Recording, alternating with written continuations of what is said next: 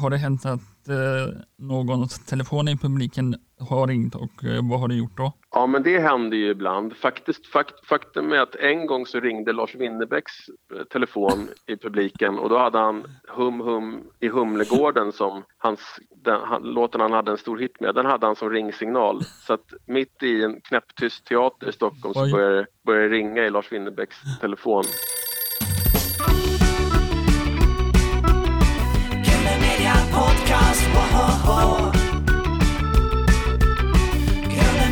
Podcast!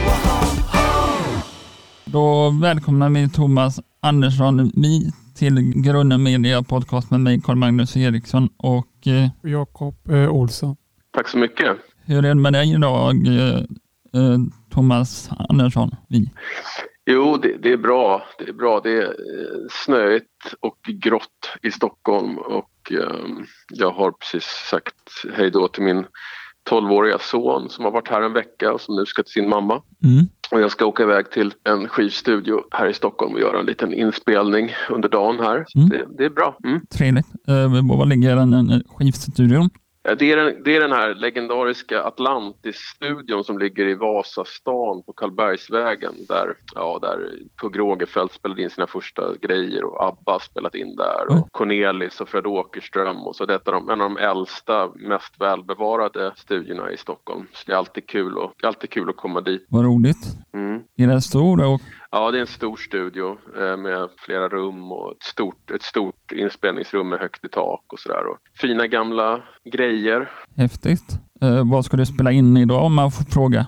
Um, alltså jag ska, eh, vi, ska, jag ska faktiskt spela in en låt av Ulf Lundell eh, och eh, vi, ska bara, vi, ska, vi ska testa det. Jag, jag, eh, det- vi vet inte riktigt vad det ska leda till och Mm. om, det, om och vart det ska ges ut. Men, men eh, ja, det finns ett gäng musiker där och en producent och de sa att jag kunde komma förbi om jag ville. Eh, så jag ska utnyttja det generösa erbjudandet och testa den här låten med dem. Men det låter ju trevligt.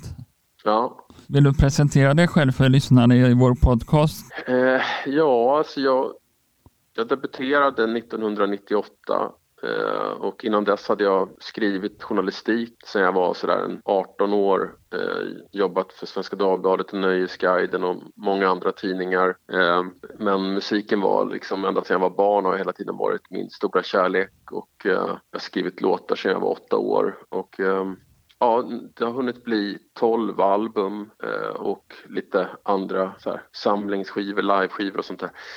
Ehm, och jag har turnerat väldigt mycket ehm, under ja, 20 år. Firade 20 år som artist här i förra året på Cirkus. Ehm, skriver, skriver i någon slags singer-songwriter-tradition med svenska texter. Ja, Tack. bor i Stockholm. Eh, hur var det att eh, fira som eh, 20 år som artist eh, på Cirkus? Alltså, mm, det var... Det var, det var, det var mm, oerhört fint faktiskt. Jag, jag hade liksom, när jag startade den här resan där i slutet på 90-talet så hade jag som en hemlig dröm att någon gång ska jag spela på Cirkus. Och, och det tog liksom 20 år för mig att fylla Cirkus. Jag har liksom byggt min publik långsamt. Jag har aldrig haft några riktigt stora radiohits eller något sånt där monumentalt genombrott utan jag har liksom gnetat på och åkt runt och spelat och spelat och spelat. Ofta ensam med en gitarr och ibland med en pianist och sådär. Um, Så det kändes ju som en slags, um, ja det blev extra starkt då att vi var på Cirkus och Dessutom så var det många kollegor där som gästade. Helene Sjöholm, Lars Winnerbäck, eh, Mauro Scocco och många till som, som eh, ja, personer som jag har jobbat med eller som jag är vän med som kom dit och sjöng Mm. någon av mina låtar. Så det var ju det var stort. Ja, eh, du är aktuell med en podcast som heter Hundåren. Eh, vill du berätta om den? Jag hade kanske inte startat den om det inte vore för den här pandemin. Mm. Jag, ja, turnén ställdes in och och jag har, haft den här, jag har haft den här idén om att göra en podd som heter Hundåren ganska länge men aldrig fått arslet ur vagnen riktigt. Mm. Eh, idén kommer egentligen från att jag redan när jag var journalist märkte att jag tyckte det var mycket roligare att prata med artister om deras hundår, om deras liksom lågkonjunkturer. Eh, och sen dess tycker jag att hela vårt samhälle har blivit ännu mer fixerat vid framgång och succé och jag har retat mig lite på det där. Att det, att det är de där tillrättalagda historierna som hela tiden upprepas i media. Ja. Eh, när man pratar om hundåren så, så når man ofta en helt annan eh, sårbarhet tycker jag och, och, det finns också väldigt mycket humor i hundåren i de här liksom, slitåren. När folk berättar om sina misslyckade gig och när det inte kommer någon folk och sådär. Det finns en ja, det finns en slags svart humor i det som jag är road av. Eh, så att eh, ja, det är själva grundidén för podden att vi pratar om, vi pratar om de hårda åren och sen så när succén kommer då, då slutar podden så att säga. Mm. så att eh, det, det är idén och eh, det har varit väldigt roligt. Nu, ska vi, nu kommer andra säsongen här den 18 januari. Ja, senaste gästen var ju Jonathan Jonasson Mm. och han var ju väldigt bra tyckte jag. Ja men tack. Jag träffade han en gång i Kungsbacka på teatern. Ja just det. Han spelade live där när det var öppet, när, när det inte var pandemiår där. Ja. Så jag tyckte han spelade jättebra där då. Kan jag hälsa då? Hur kom det sig att du började kalla den hundåren? Hur hur det kommer sig att jag började min karriär med hundår? Ja, Eh, ja, eh, jag, jag vet inte. Det, det, det är ju, man vet ju aldrig det där. Varför, varför slår vissa igenom och varför, varför tar det längre tid för andra? Eh, det, det, jag menar, när jag, när jag eh, släppte min andra skiva så släppte Håkan Hellström samtidigt sin debutskiva och eh, liksom eh, snodde åt sig ljuset kan man väl säga. det gjorde han ju rätt i för Ja. det var ju väldigt bra. Eh, och eh, jag, jag kände väl att jag liksom mer fick flyga fram under radarn lite grann. Men det har, det har ju haft sina fördelar också för att jag, jag känner att jag har hela tiden fått anstränga mig väldigt mycket inför varje platta. Jag har liksom aldrig, aldrig hunnit aldrig kunnat bli liksom proppmätt och, och självgod utan jag har hela tiden fått liksom kämpa liksom och eh, göra mitt yttersta för att kunna kommunicera och kunna liksom nå fler. Så, här. så att, eh, ja, det har fördelar och nackdelar där med att slå igenom stort. Har du en poddstudio eh, eller sitter du hemma och poddar? Nej, jag har en liten Zoom-inspelningsutrustning med två mikrofoner så att jag åker ofta hem till dem som jag intervjuar. Ja, vad trevligt. Mm. Vill du berätta vem eh, du ska ha som gäst nästa gång? Eller göra reklam? Ja, det kan jag göra. Eh, det blir Filip och Fredrik. Mm. eh, vilket avsnitt är du mest nöjd med Thomas Andersson vi? Ehm, jag tyckte att Tio blev härligt och jag tycker att eh, Lemark, eh, Peter Lemark Mm. var, var, var ett fint avsnitt. Han, han, är så rolig, han är så bra på att berätta och eh, så rolig. Ehm, så att, eh, ja, det, det var jag väldigt nöjd med. Mm. Hur går det till när ni hittar gäster och får ni övertala dem? Ja, Jag, jag, brukar, jag känner ju ganska många artister efter alla de här åren som jag själv har spelat så, där, så jag har ju kanske hört av mig framförallt till sådana som jag känner och har jobbat med och, och eh, då har jag ringt själv. Mm. Jag har ingen annan som, som jobbar för podden. Jag har en klippare och en researcher men jag tar alla kontakter och eh, bestämmer vilka som ska intervjuas. Jag brukar utgå från vilka jag är nyfiken på, alltså vilka jag tycker har en bra historia. Eh, det, det brukar, tycker jag brukar vara bästa, bästa utgångspunkten för att få till en bra intervju, att man verkligen är genuint nyfiken på någon. Klipper du din egen podd eh, som eh, han eh, Kristoffer Triumf? För han gör inte det. Han är inte intresserad av att själva klippa programmet. Nej, men det, jag, jag klipper inte heller min podd utan jag har en jätteduktig kille som, som, som gör det. Ja, Så, och jag, och Fred och Kristoffer som, som är jätteduktig på det han gör, han, han, är, han har ju en producent också som tar alla hans kontakter åt honom och sådär. Eh, han gör ju lite en annan typ av podd. Han, han, jag har ju en sån tydlig jag har en sån tydlig infallsvinkel på min podd, liksom att det ska handla om hundår och, Mm. och, och då medan hans podd är mer ett, ett öppet personporträtt. Liksom. Så att, Hur kom du på själva namnet eh, Hundåren? jag vet inte, jag tycker det är ett roligt namn. Eh, Catchy. Ja. Ja. Hur får man en gäst att öppna sig när du talar? Jag tror att det handlar väldigt mycket om att visa att man är genuint intresserad och dels att ha en slags värme i, i, mötet och, och att visa att man är påläst och tar den här personen på allvar. Och sen att man tittar på personen, tittar dem i ögonen och inte håller på att stirra ner i sina papper och är så fokuserad på nästa fråga utan att man verkligen sitter och lyssnar på den personen som man skulle ha lyssnat på en vän som berättade om någonting personligt för en. Att man är närvarande helt enkelt. Mm. Eh, och, och, och sen det här gamla journalistiska tricket att vara tyst faktiskt. Att inte, att inte direkt bara komma med nästa fråga så fort det blir tyst. Vi, vi har ju en tendens att bli ty- lite, lite nervösa när det blir tyst. Men, men, eh, men att, att våga dröja kvar i tystnaden gör att, att många människor får tid att tänka och, och börja prata igen så där, och kommer på nya grejer. Så för mig handlar det väldigt mycket om att inte störa den andra personen för mycket utan att liksom hjälpa den att slappna av och eh, komma i kontakt med sina egna tankar och minnen och så. Om du skulle bli inbjuden till en egen podd, vad skulle du prata om då? Ja, jag, jag tänkte att någon gång framöver här så ska jag göra en hundåren med mig själv fast jag kanske ber någon annan göra intervjun då.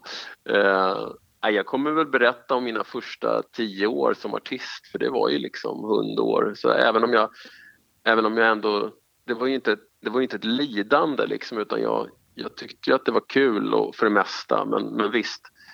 Det, jag har ju också gjort min beskärda del av, av eh, tröstlösa turnéer i norra Norrland där det kommer lite folk och man, man bor på hopplösa motorvägshotell och sådär. Och, och känner sig o, allmänt oinspirerad. Eh, det, det har jag gjort och det, jag skulle väl berätta om det antar jag.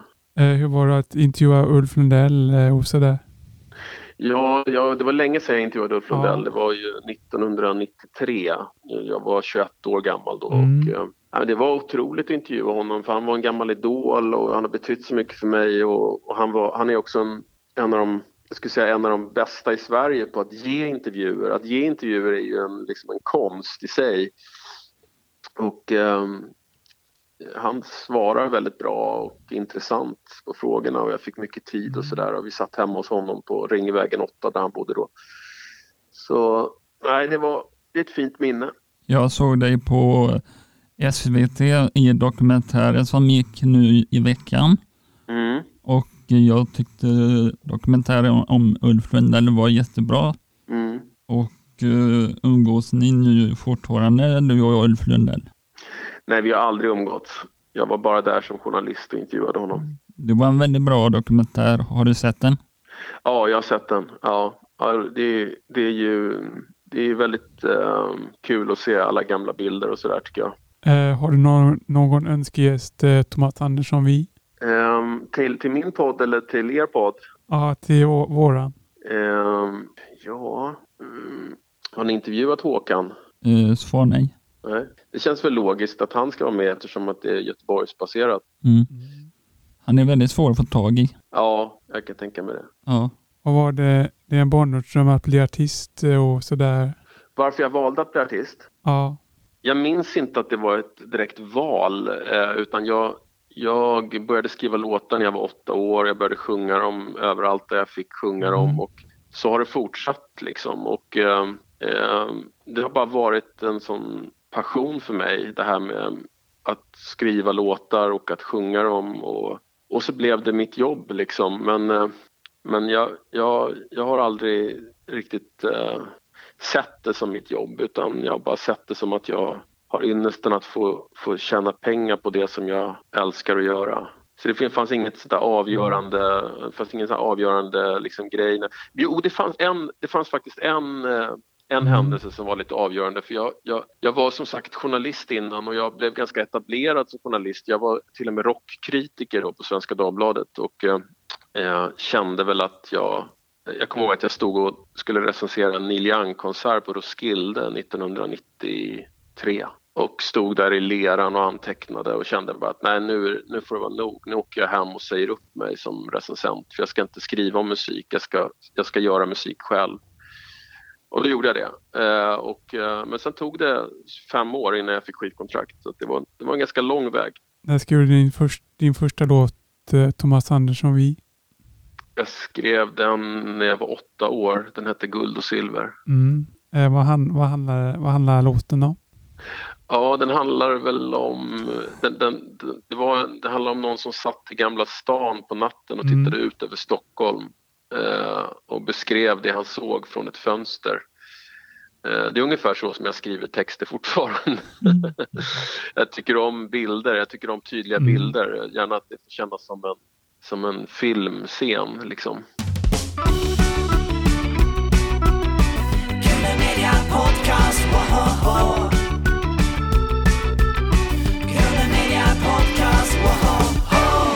Sen blev du ju musikjournalist. Eh, Har det varit en hjälp som artist? Jag vet inte om det har varit en hjälp direkt. Ehm, Det som var bra med att vara musikjournalist var att jag var tvungen att sätta mig in i mycket musik som jag kanske annars hade låtit bli att lyssna på. Så att jag, jag, jag fyllde på mitt bibliotek liksom av musik under de åren.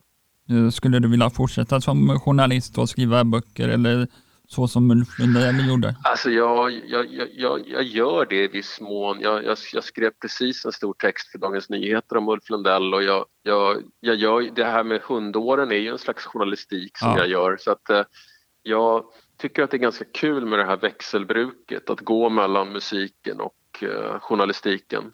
Mm. Vad står det vi för? Vi är en by i Hälsingland, eh, i Delsbo, där min mamma växte upp och där jag var mycket som barn. Mm.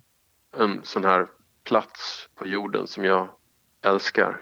Har du någon gång blivit eh, starstruck?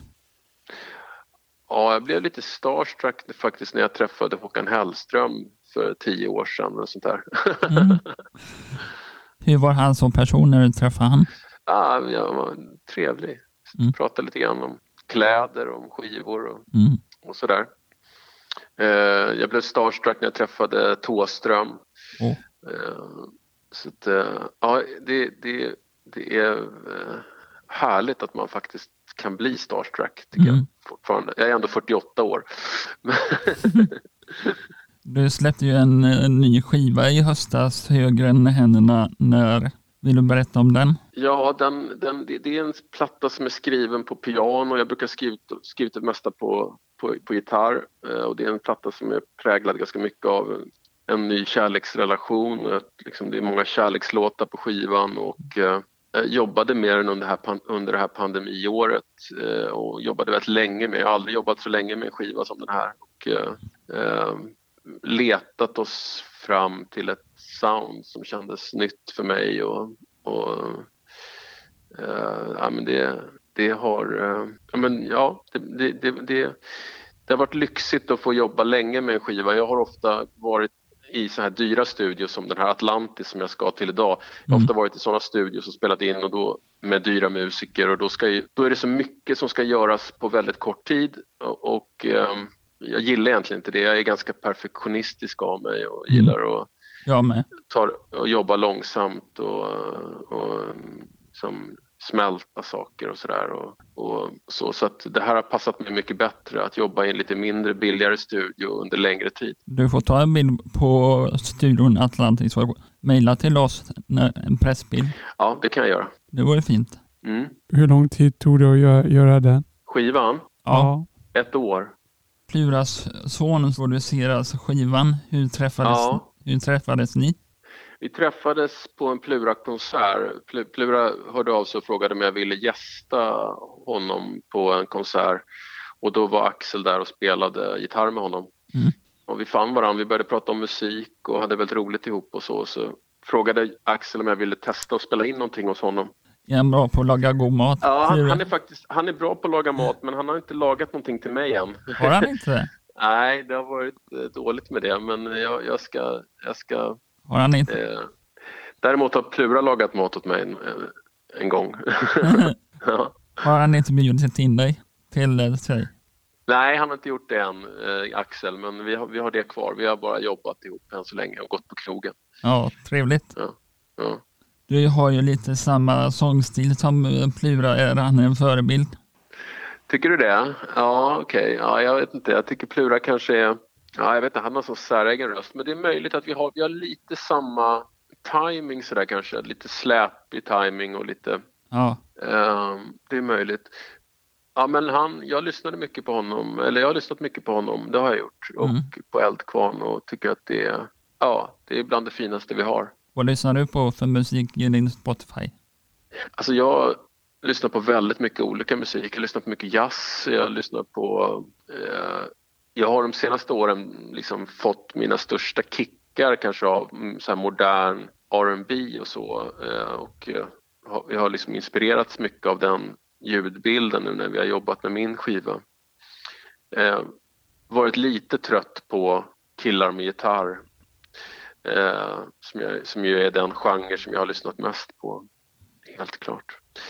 Eh, nej, men Bon Iver tycker jag jättemycket om. Frank Ocean och... och eh, eh, men, det, men jag har också blivit väldigt Spotify liksom präglad sådär så att jag, jag, jag, det, jag gör mest li- listor liksom med bra Mm. låtar som jag gillar. Finns Och jag mycket, brukar lägga ut de listorna på min, på min Spotify, på min officiella Spotify-sida. finns mycket bra musik nu för tiden tycker jag. Mm. Vilka av dina skivor är du mest nöjd med Thomas Andersson Vi? Alltså jag, min andra skiva Ett slag för dig var speciell. Eh, den blev bra och många av de låtarna har jag spelat mycket live genom åren. Eh, jag tycker Romantiken som kom 2012 blev väldigt bra. En platta som jag gjorde ihop med Andreas Mattsson. Och, eh, och så så är, jag- är jag faktiskt väldigt nöjd med den här senaste. Eh, Vår handledare Erik här som är sjuk idag, hans favoritlåt är Tommy och hans mamma. Mm. Hur kom den till?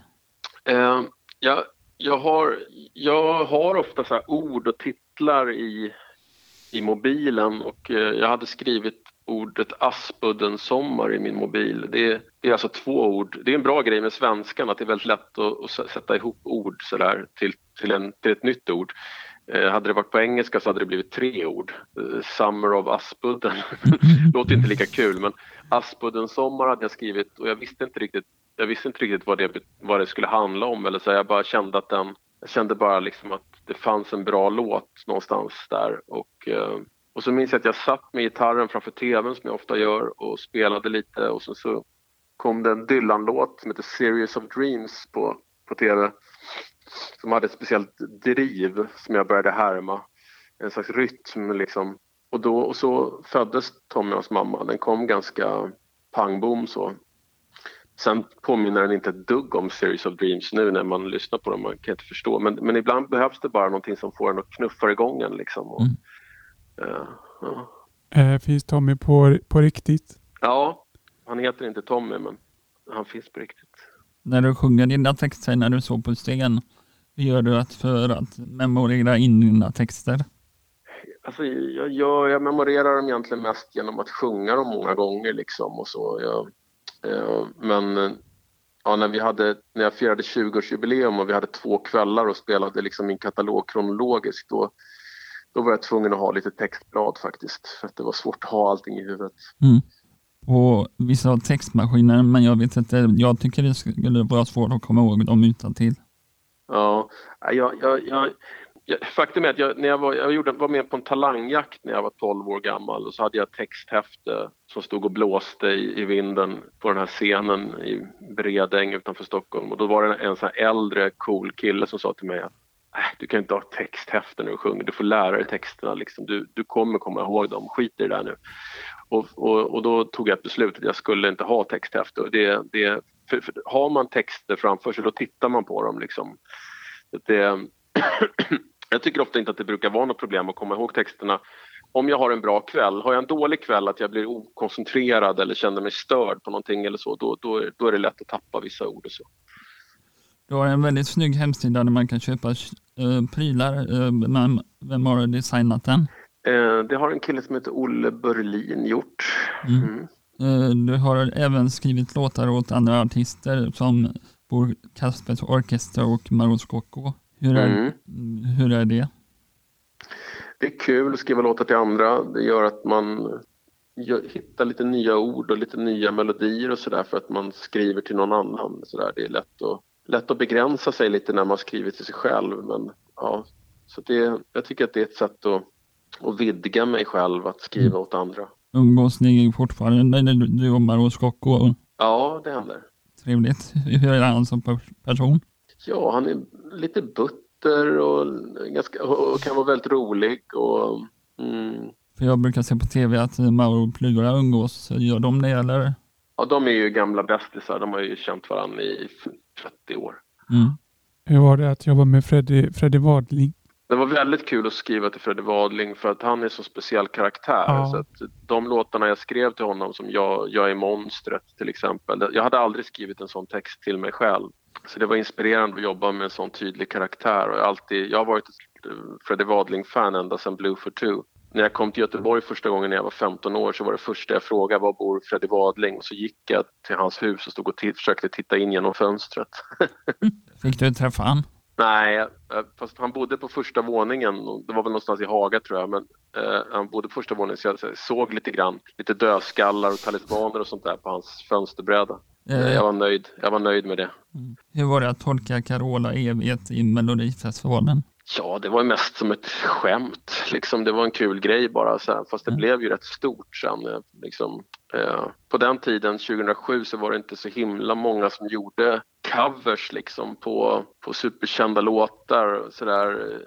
Eh, det var liksom innan Så mycket bättre och sådär. Så att det, var, det, var en, det kändes som en rolig grej att göra då. Jag kanske inte hade gjort det idag. Eh, vad tyckte Carola om det? Ja, hon, hon, hon, hon tyckte mycket om låten. Den, hon, har faktiskt, eh, hon spelar den versionen som jag har eh, ibland live. Umgås du och Carola? Nej, det gör vi inte, men vi känner varandra lite grann. Vi har träffats en del. Hon har gått på några av mina konserter och sådär. Så det, Är du nervös innan du går upp på en konsert? Jag har aldrig haft så himla mycket problem med nervositet faktiskt. Ehm, man kan vara, jag, jag kan vara nervös, men, alltså sådär, men, men, men inte så att det blir ett problem för mig. Hur laddar du upp? Eh, Har du någon speciell ritual innan du går in på scenen?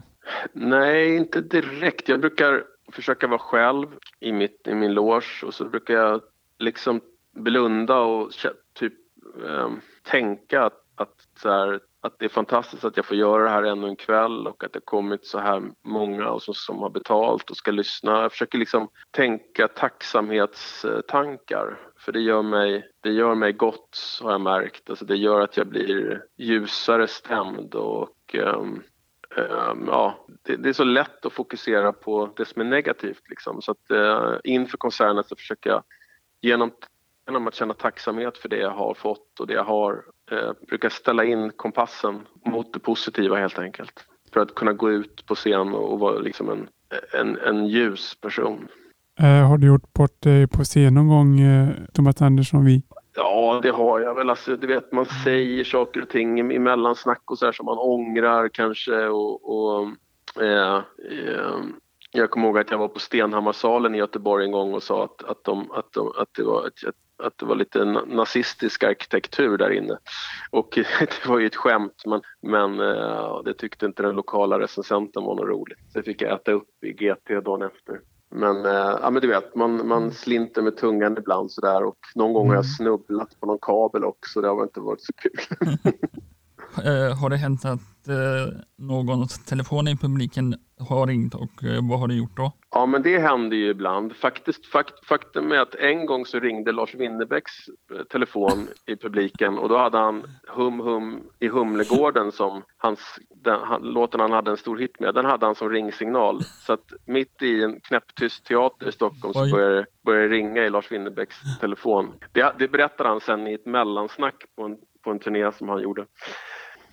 Har du någon rider i din eh, loge? Jag är ganska blygsam med, med mina riders. Jag, jag, jag vill ha lite mackor och, och, och frukt och, och en flaska vin och sådär. Och sen brukar det vara bra med det. Ja, men det låter ju bra. Mm. Hur många gitarrer har du, eh, Thomas Andersson? Eh, vi? Ja, jag kanske har sex, sju stycken. Ja. Jag har precis sålt en nu här för jag bara känner att jag or- orkar inte ha massa grejer som jag inte använder. Så att eh, ja, sex, sju stycken har jag väl ungefär. Hur många instrument kan du spela? Jag kan spela gitarr, lite piano och munspel. Vill din son också spela så som eh, du spelar musik? Nej, han har inte varit så. Han är mer intresserad av tv-spel än vad jag än musik. Men, eh, men eh, han spelar lite piano. Ja. Mm. Vilken känd person skulle du ta med dig till en Nyrö och varför? Då skulle jag ta, ta med min flickvän. For obvious reasons. Ja. Eh, vad, du, vad har du för nya projekt på gång 2021, eh, Thomas Andersson? Eh, är vi? Ehm, jag kommer göra en ny säsong nu av Hundåren som sagt. Och ehm, så hoppas jag att jag kan få komma upp Ja. och spela lite i sommar. Eh, vi har några som heter fem snabba till Thomas Andersson.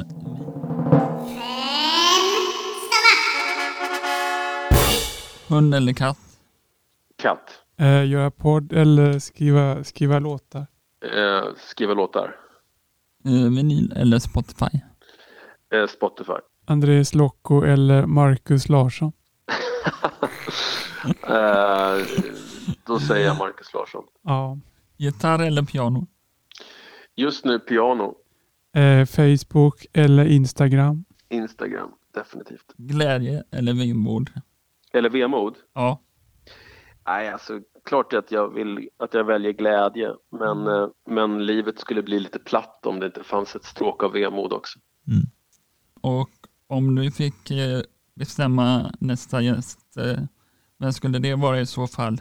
Ja, ehm, Stefan Sundström kanske. Jag intervjuade honom i podden. Han är en otroligt härlig person. Mm. Mm. Då får vi tacka så mycket och Ja. så sen eh, pressbilder från dit du ska idag. Mm. Men- Tack ska ni ha. Ha en jättefin eh, fredag önskar vi Ja, från ni med. Ja. Vi med det. Ja. Tack så jättemycket Thomas. Hej då. Hej. Tack, hej.